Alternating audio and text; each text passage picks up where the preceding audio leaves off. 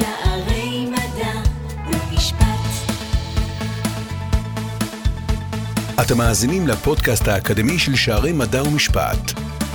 והפעם, פודקאסט בנושא עבירה תוצאתית, עם הפרופסור לימור עציוני, מהקורס דיני עונשין. שערי מדע ומשפט. סטודנטים יקרים, שלום וברכה, כאן אה, פרופסור לימור עציוני, והיום אנחנו נדבר על מבנה היסוד העובדתי ועל אחד הדברים המדאיגים, מאתגרים ומעניינים ביותר בתחום של ניתוח יסודות העבירה, והוא החלק של העבירה התוצאתית, ומה מייחד ומאפיין את העבירה התוצאתית לעומת העבירה ההתנהגותית. למעשה בסוף הפודקאסט הזה אנחנו נדע מהו המוקש המרכזי בניתוח עבירות פליליות בחוק העונשין ומחוץ לחוק העונשין, מהו אותו מוקש שמקשה עלינו מאוד את ניתוח העבירה וכיצד ניתן לזהות את רכיב התוצאה בהגדרת העבירה. שעה שהגדרנו ומצאנו את רכיב התוצאה בהגדרת העבירה, ניתוח העבירה משתנה באופן משמעותי ביותר ומחייב התייחסות אחרת, שונה ונפרדת לעבירה הפלילית כאשר היא עבירה התנהגותית או עבירה תוצאתית. והשינוי הזה שעלינו לזהות מתחילת הדרך, אם יש תוצאה או אין תוצאה, ילווה אותנו לאורך כל ניתוח העבירה, אה, וזו הסיבה גם שיש לנו באמת קושי מרכזי אם פספסנו את התוצאה בהגדרת העבירה. אז בואו נצא לדרך. אנחנו יודעים שהחוק מגדיר בסעיף 18 את מבנה היסוד העובדתי של העבירה. סעיף 18 קובע מה, מה הם רכיבי היסוד העובדתי של העבירה. למעשה, לפני כן אנחנו יודעים שבכל עבירה יש שני רכיבי חובה שאין בלתם. אחד זה היסוד העובדתי והשני זה היסוד הנפשי. תלמידיי יודעים גם שיש עוד כמה דברים שמסתתרים בהגדרה פלילית, כמו למשל הערך החברתי המוגן באמצעות האיסור הפלילי, אבל אנחנו היום נתמקד בעיקר במבנה היסוד העובדתי ובהבחנה של עבירה תוצאתית. סעיף 18 כאמור מגדיר לנו את מבנה היסוד העובדתי וקובע בסעיף א', סעיף קטן א', פרט לעניין עבירה, המעשה בהתאם להגדרתה, וכן נסיבה או תוצאה שנגרמה על ידי המעשה, מקום שהן נמנות עם הגדרת אותה עבירה. כלומר, כבר מהגדרת סעיף 18, אנחנו יודעים לזהות שרכיבי היסוד העובדתי הם שלושה.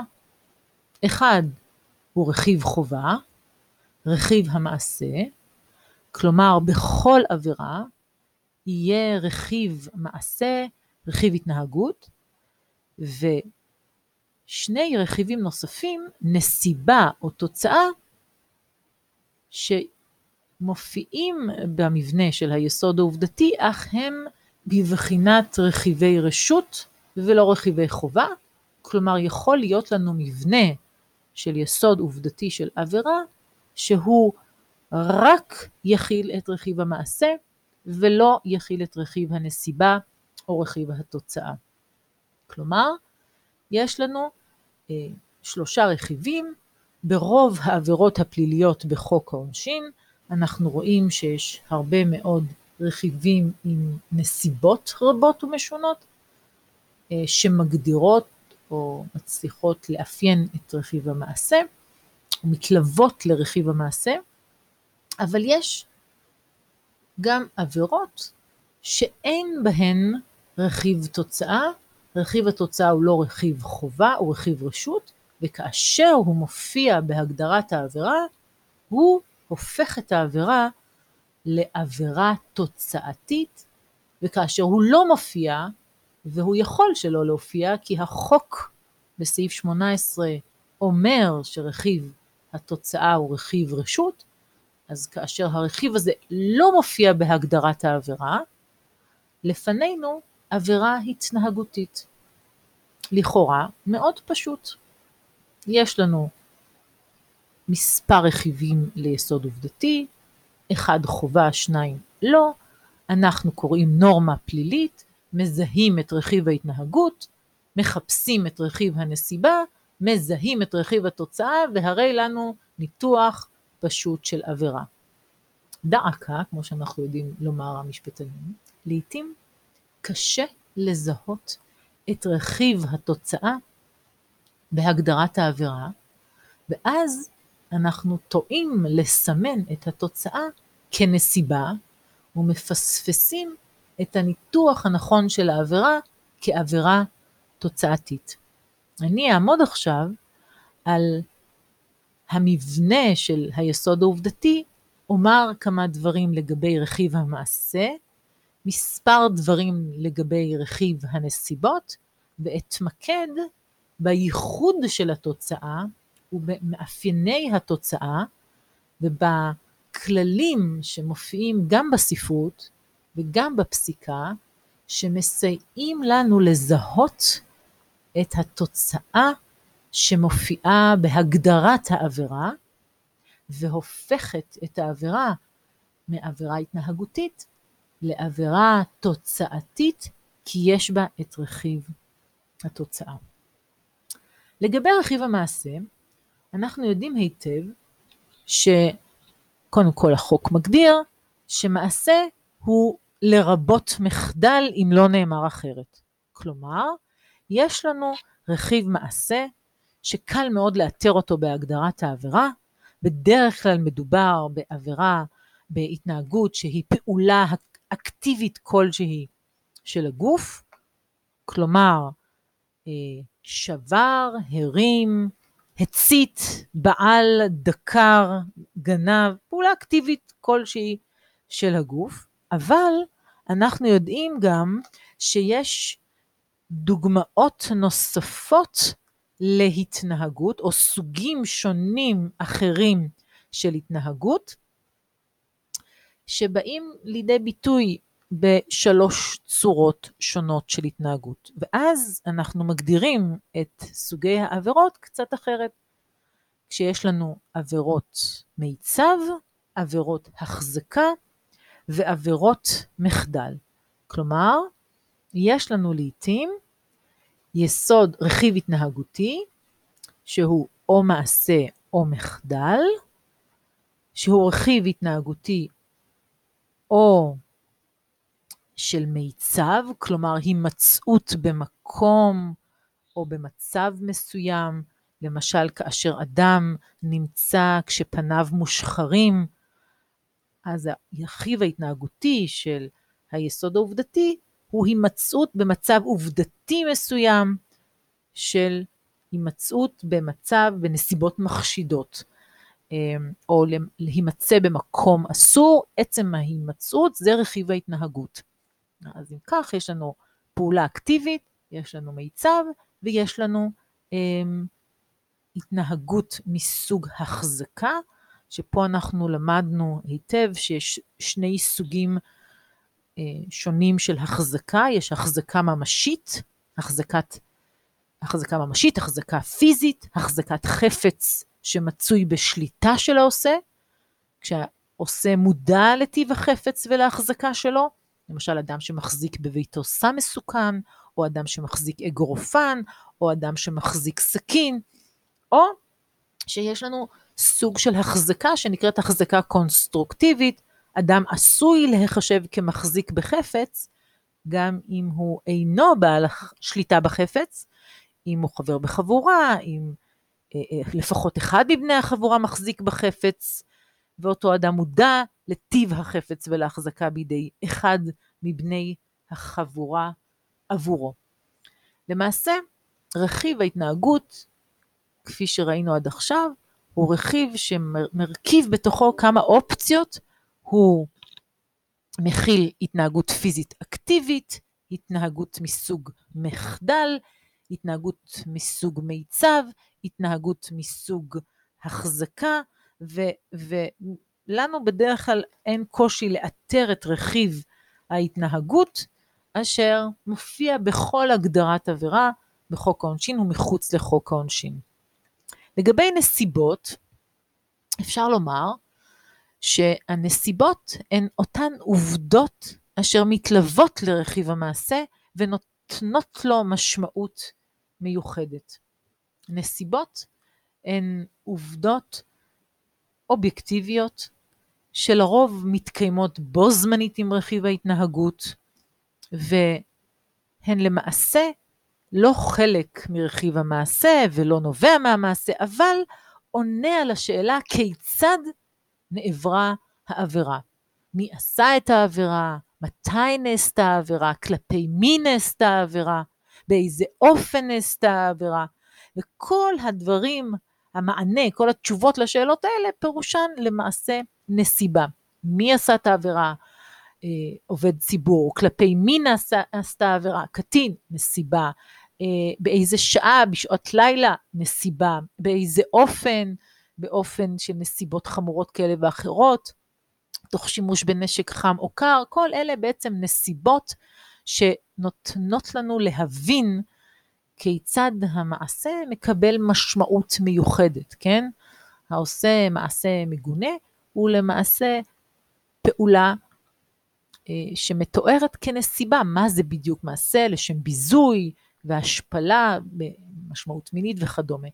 כאשר אדם מתערטל בפומבי בפני אדם אחר, ההתערטלות, ההתנהגות היומיומית הטבעית, הופכת להיות התנהגות אסורה, הופכת להיות התנהגות עם משמעות מיוחדת, כאשר אדם מתערטל בפומבי בפני אדם אחר שלא בהסכמתו.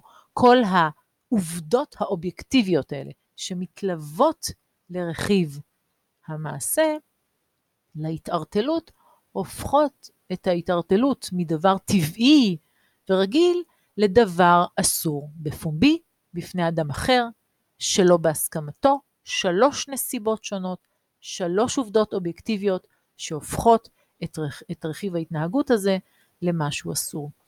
עד כאן בעצם ראינו סוגים שונים של רכיב המעשה, שהוא רכיב חובה בכל עבירה, סוגים שונים של נסיבות שמתלוות לרכיב המעשה ונותנות לו משמעות מיוחדת, ועכשיו אני אבקש להתמקד באותו רכיב מיוחד, שלרוב לא רואים אותו בחוק העונשין, יש הרבה מאוד עבירות, יותר עבירות ללא הרכיב הזה, רכיב התוצאה, ולכן הן נקראות עבירות התנהגותיות. רכיב התוצאה הוא רכיב שמהווה למעשה פועל יוצא של ההתנהגות. של ההתנהגות שמצוינת בהגדרת העבירה. כאשר אנחנו מסתכלים על עבירות עם רכיב תוצאתי, אנחנו למעשה מבינים שזה רכיב שהוא לא חובה, וכאשר הוא מופיע בהגדרת העבירה, אנחנו מבינים שצריך להראות ולהוכיח רכיב נוסף בהגדרת העבירה. וזה רכיב לא פשוט. קודם כל, כי הוא מסתתר די יפה בתוך הגדרת העבירה, ויש חשיבות רבה להבחנה שלו בהגדרת העבירה אה, משלוש סיבות עיקריות. קודם כל, צריך ל... לראות שמתקיימת התוצאה לשם התגבשות העבירה. ללא תוצאה, העבירה לא תהיה מושלמת. דבר נוסף הוא שצריך להראות קיום קשר סיבתי בין ההתנהגות לבין התוצאה ברגע שראינו שיש תוצאה בהגדרת העבירה. דבר חשוב נוסף, שלישי במספר, זאת העובדה שהניתוח של היסוד הנפשי שונה כאשר יש לנו תוצאה בהגדרת העבירה.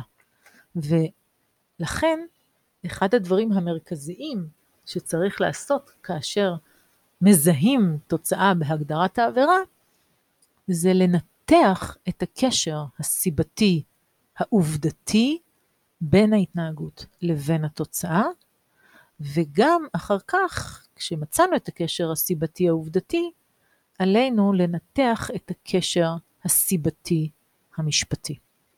כמה מילים לפני שאני מנתחת את הקשר הסיבתי ומתייחסת אליו, אני רוצה להתייחס רגע למשמעות של תוצאה בכוח לעומת תוצאה בפועל. לפי הגישה הרווחת, עבירה תוצאתית היא עבירה שכוללת רכיב של תוצאה בפועל בלבד. כלומר, שינוי במציאות הפיזית. למשל, רכיב תוצאתי בעבירת המתה, מותו של נפגע העבירה. יש עבירות שבהן אנחנו רואים את התוצאה, הלכה למעשה, הגורם חבלה חמורה לאדם. החבלה החמורה נגרמה כתוצאה מהמעשה. אה, הגורם למותו של אדם.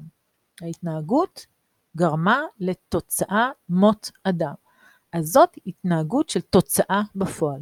יש עבירות שבהן התוצאה היא בכוח, כלומר, התוצאה עלולה להתרחש, אפילו אם לא התרחשה בפועל. לפי הגישה הרווחת, זה לא נקרא רכיב תוצאתי, אלא רכיב נסיבתי, למשל, מי שעשה מעשה שעלול להפיץ מחלה, שיש בה סכנת נפשות. עבירה זו, זאת לא עבירה תוצאתית, משום שהגדרתה איננה כוללת דרישה לתוצאה בפועל. עלול להפיץ, אנחנו לא יודעים אם הפיץ. גרם להפצת מחלה, זאת כבר תוצאה. עלול להפיץ, כשאינני יודעת אם הפיץ או לא, זה תוצאה בכוח. המשמעות היא שכאשר אנחנו רואים עבירות תוצאה, רוב העבירות הגרימה נקראות, על פי הספרות גם, והפסיקה, כעבירות תוצאתיות. כלומר, עבירה שרואים בהגדרת העבירה את התוצאה שלה. חשוב להבין מה המשמעות כשאני מדברת בהגדרת העבירה, ואני מדגישה את זה כל הזמן. כשאנחנו מדברים משפט פלילי, עבירות אה, אה, בדיני עונשין וכולי, וגם מחוץ לחוק העונשין, כשאנחנו מדברים על עבירות תוצאתיות, אנחנו מדברים על עבירות שבהגדרת הנורמה האוסרת, בהגדרת העבירה, מופיעה תוצאה. זה לא מה שקורה בס, ב, ב, במובן הפיזי של העבירה. לכאורה כל עבירה פלילית באשר היא, גורמת לתוצאה אסורה בפיזיקה של החיים. כל עבירה. כי כל עבירה גורמת לנזק. כשאדם בועל אישה שלא בהסכמתה החופשית, הוא גורם לה נזק איום ונורא. הוא גורם, פוגע בשלמות הגוף שלה, בשלמות הנפש, אבל ההגדרה של אונס, הבועל אישה שלא בהג...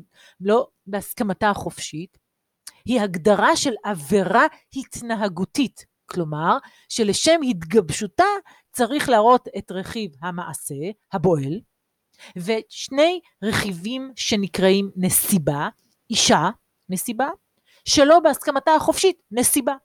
זאת עבירה שלשם התגבשותה צריכים להראות שלושה רכיבים, מעשה, נסיבה, נסיבה.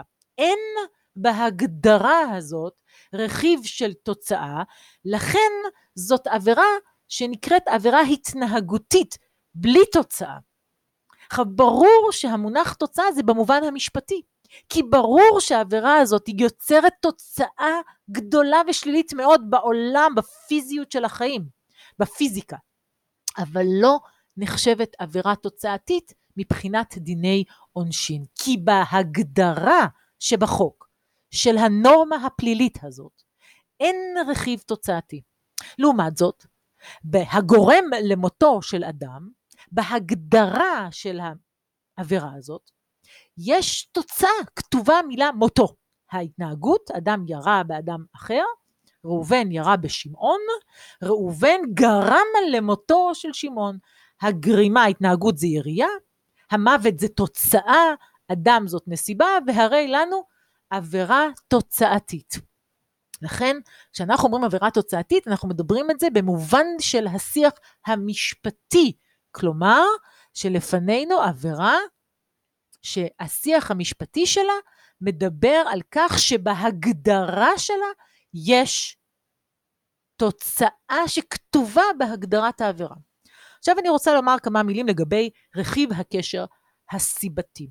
בשעה שאנחנו מצאנו את רכיב התוצאה בהגדרת העבירה, מוות, חבלה חמורה, תוצאה שאנחנו רואים בעין, אז אנחנו צריכים לראות את הקשר הסיבתי העובדתי, שהוא נבחן לפי מבחן האלמלא, מבחן הגורם שבלעדיו אין, קוזה סין קואנון בלטינית, כמו שאנחנו למדנו בכיתה גם.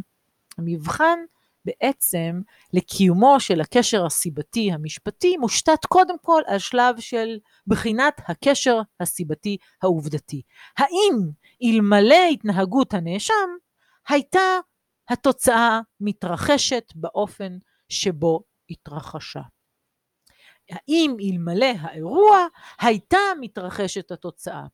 אם התשובה היא לא, אלמלא האירוע לא הייתה מתרחשת התוצאה, הרי שיש לנו קשר סיבתי עובדתי.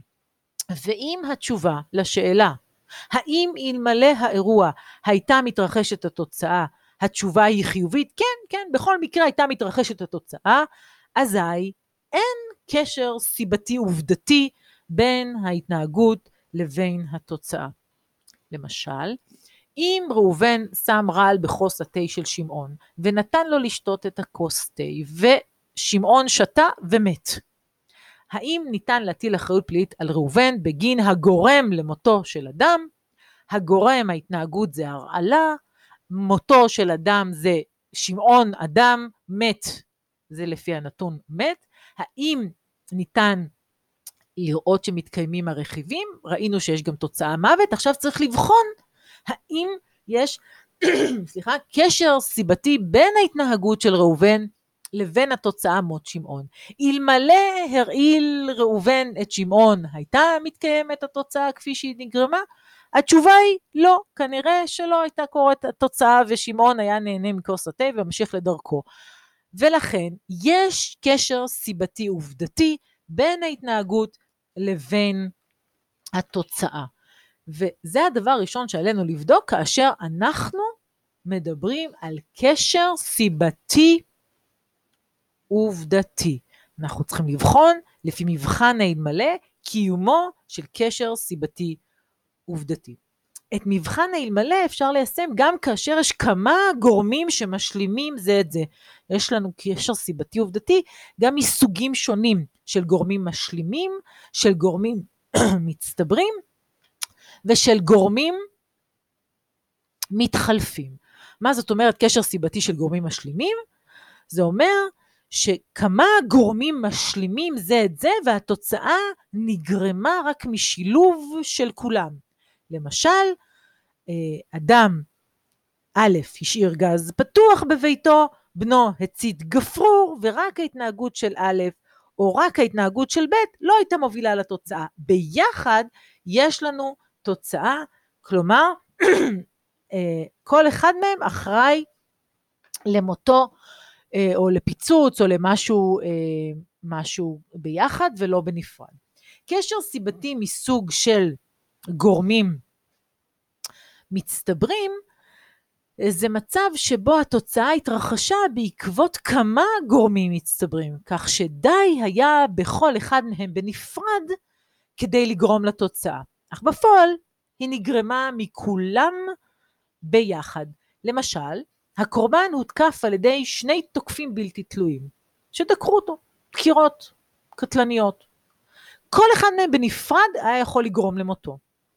בפסיקה אומץ למצב הזה מבחן דיות הפעולה, במקום מבחן האלמלא, שלפיו הקשר הסיבתי מתקיים אם די היה במעשהו של האדם כדי להביא לתוצאה, אף אם בפועל היא הייתה מתרחשת גם בלעדיו. לגב, לגבי אה, גורמים חלופיים, כאשר התוצאה התרחשה בעקבות כמה גורמים חלופיים בלתי תלויים זה בזה, די היה בכל אחד מהם בנפרד כדי לגרום לתוצאה. אך בפועל, אחד מהם גרם לה לבדו. במקרה כזה, מי שגרם בפועל לתוצאה, אחראי לעבירה המושלמת, ואילו מי שרק היה מסוגל לגרום לה, אחראי לעבירת הניסיון.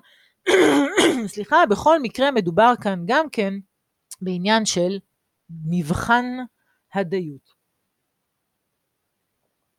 סיכום ביניים עד כאן, ראינו שסעיף 18 לחוק העונשין מגדיר לנו את רכיב היסוד העובדתי של העבירה, וכבר בתחילת הדרך מבחין בין עבירה שיש בה רכיב תוצאתי והופך אותה לעבירה תוצאתית, לבין עבירה שאין בה רכיב תוצאתי ואז היא נקראת עבירה התנהגותית. רכיב המעשה הוא רכיב מעשה אקטיבי של פעולת גוף כלשהי, המפרסם, האומר, הכותב, הגורם, המרים, המצית, הבועל, ו... יש לו גם חריגים או התנהגויות מסוגים שונים, כמו התנהגות מסוג מיצב, הימצאות, שהייה במקום מסוים, התנהגות מסוג החזקה, החזקה ממשית, או החזקה קונסטרוקטיבית, התנהגות מסוג מחדל, שלזה צריך לצרף מקור חובה לפעול, וחוץ מזה, יש לנו ברכיב היסוד העובדתי נסיבה, יכולות להיות לנו נסיבות, זה לא משנה את אופי העבירה, זה רק נותן משמעות מיוחדת לרכיב המעשה. מה שמשנה את אופי העבירה והגדרתה זה אם יש או אין רכיב תוצאה. כפי שראינו, כשמופיע רכיב תוצאה בהגדרת העבירה, והעבירה הופכת להיות עבירה תוצאתית, אז צריך לבחון את הקשר הסיבתי העובדתי בין ההתנהגות לבין התוצאה, והדבר נעשה ראשית על ידי בחינת הקשר הסיבתי העובדתי ומבחן האלמלא. מבחן האלמלא, אלמלא התנהגנו באופן כזה או אחר, נעשתה פעולה באופן כזה, הייתה נגרמת התוצאה? אם התשובה היא לא, לא הייתה נגרמת התוצאה אלמלא נהגנו כך, הרי שיש קשר סיבתי עובדתי בין ההתנהגות לבין התוצאה. וכאמור, יש לנו קשר סיבתי מסוג של גורמים משלימים, גורמים מצטברים וגורמים חלופיים. הדבר האחרון שנתייחס אליו באשר לקשר סיבתי זה השלב השני שעלינו לבדוק והוא הקשר הסיבתי המשפטי. כלומר, לאחר שמצאנו שמתקיים הקשר הסיבתי העובדתי בין ההתנהגות לבין התוצאה, עלינו לבחון האם הנאשם יכול היה לצפות באורח סביר את התוצאה. פה אנחנו מדברים על מבחן אובייקטיבי וגם מבחן נורמטיבי, כלומר אם הוא צריך היה לצפות אותה, את התוצאה, המבחן הנורמטיבי הוא גם נגזר משיקולים של מדיניות uh, משפטית. מבחן הצפיות הוא למעשה מבחן חשוב שבו אנחנו בוחנים האם אדם היה צריך לצפות את, ה, את התוצאה אה, אובייקטיבית, סובייקטיבית, האם אה, אנחנו ראינו שיש איזה גורם זר שהתערב וגרם לכך שהאירוע אה, היה צפוי. אחד הדברים מפסקי הדין שיצר את התהליך הזה הוא פסק דין מלכה, בו הנאשם נהג במכוניתו ברשלנות וילד בן שנתיים נפגע. ונגרם לו שבר ביד, ובמהלך אשפוזו התפתחה בגופו מחלת הטטנוס שממנה הוא נפטר. אה, הופעת המחלה הייתה באותם ימים בגדר הפתעה גמורה לרופאים, משום ששבר היה סגור, ולא צפו שכשילד לא בא במגע, הדם, דמו, לא בא במגע עם האדמה, יכולה להתפתח מחלת הטטנוס. לכן מבחן הצפיות הוא מבחן שהיום שולט בפסיקה, והוא בעצם הפעלת שיקול דעת בשאלה האם יכול אדם היה לצפות באורח סביר את התוצאה, ואם היה צריך לצפות באותה, באותו עניין את התוצאה, ו, אמ, ואלה דברים שאנחנו בוחנים ומפעילים את שיקול הדעת וקוראים אה, אה, המון שיח פסיקתי כדי לדעת כיצד להפעיל את, את המבחן הזה. שני דברים חשובים יש לומר בהקשר הזה. אחד, הוא קשור להיקף הצפיות. הקשר הסיבתי המשפטי מתקיים גם אם לא ניתן היה לצפות את היקפו המדויק של הנזק. ככלל, די בכך שניתן היה וצריך היה לצפות את סוג הנזק באופן כללי, למשל נזק גוף, נזק רכוש, זה מספיק, מספיק. קשר הסיבתי מתקיים גם אם לא ניתן היה לצפות את הדרך המדויקת שבה התרחש הנזק. זה חשוב לזכור, כי לפעמים אדם אה, אה, נחבל, מגיע לבית חולים, מגיע חיידק טורף וגורם למותו. המשמעות של התהליך הזה, לא, לא תמיד צופים את כל התהליך שיביא למותו של אדם, אבל אנחנו יודעים לזהות את סוג הנזק שאנחנו חובלים באדם, ואם חבלנו בו, אז הרי שצפינו את סוג הנזק, ודי בכך כדי לקיים את הקשר הסיבתי המשפטי. דבר שני שחשוב לציין בהקשר של קשר סיבתי משפטי, הוא את עקרון הגולגולת הדקה. זה עיקרון שקובע שמבחן הצפיות נערך ביחס לנפגע ספציפי, על כל התכונות שלו והחולשות שלו המיוחדות. ואם הפוגע לא היה מודע להם, זה לא, זה לא מפחית מהעוצמה של העיקרון הזה של מבחן הצפיות. הקשר הסיבתי מתקיים, כלומר, במקרים האלה, גם אם לקורבן יש רגישות מיוחדת, למשל, הוא רגיש לבמבה, והוא אה, מפתח בצקת כשהוא אוכל איזשהו משהו עם בוטנים. הפוגע צריך להיות מודע גם לרגישות המיוחדת הזאת, ולכאורה גם לצפות את הרגישות הזאת.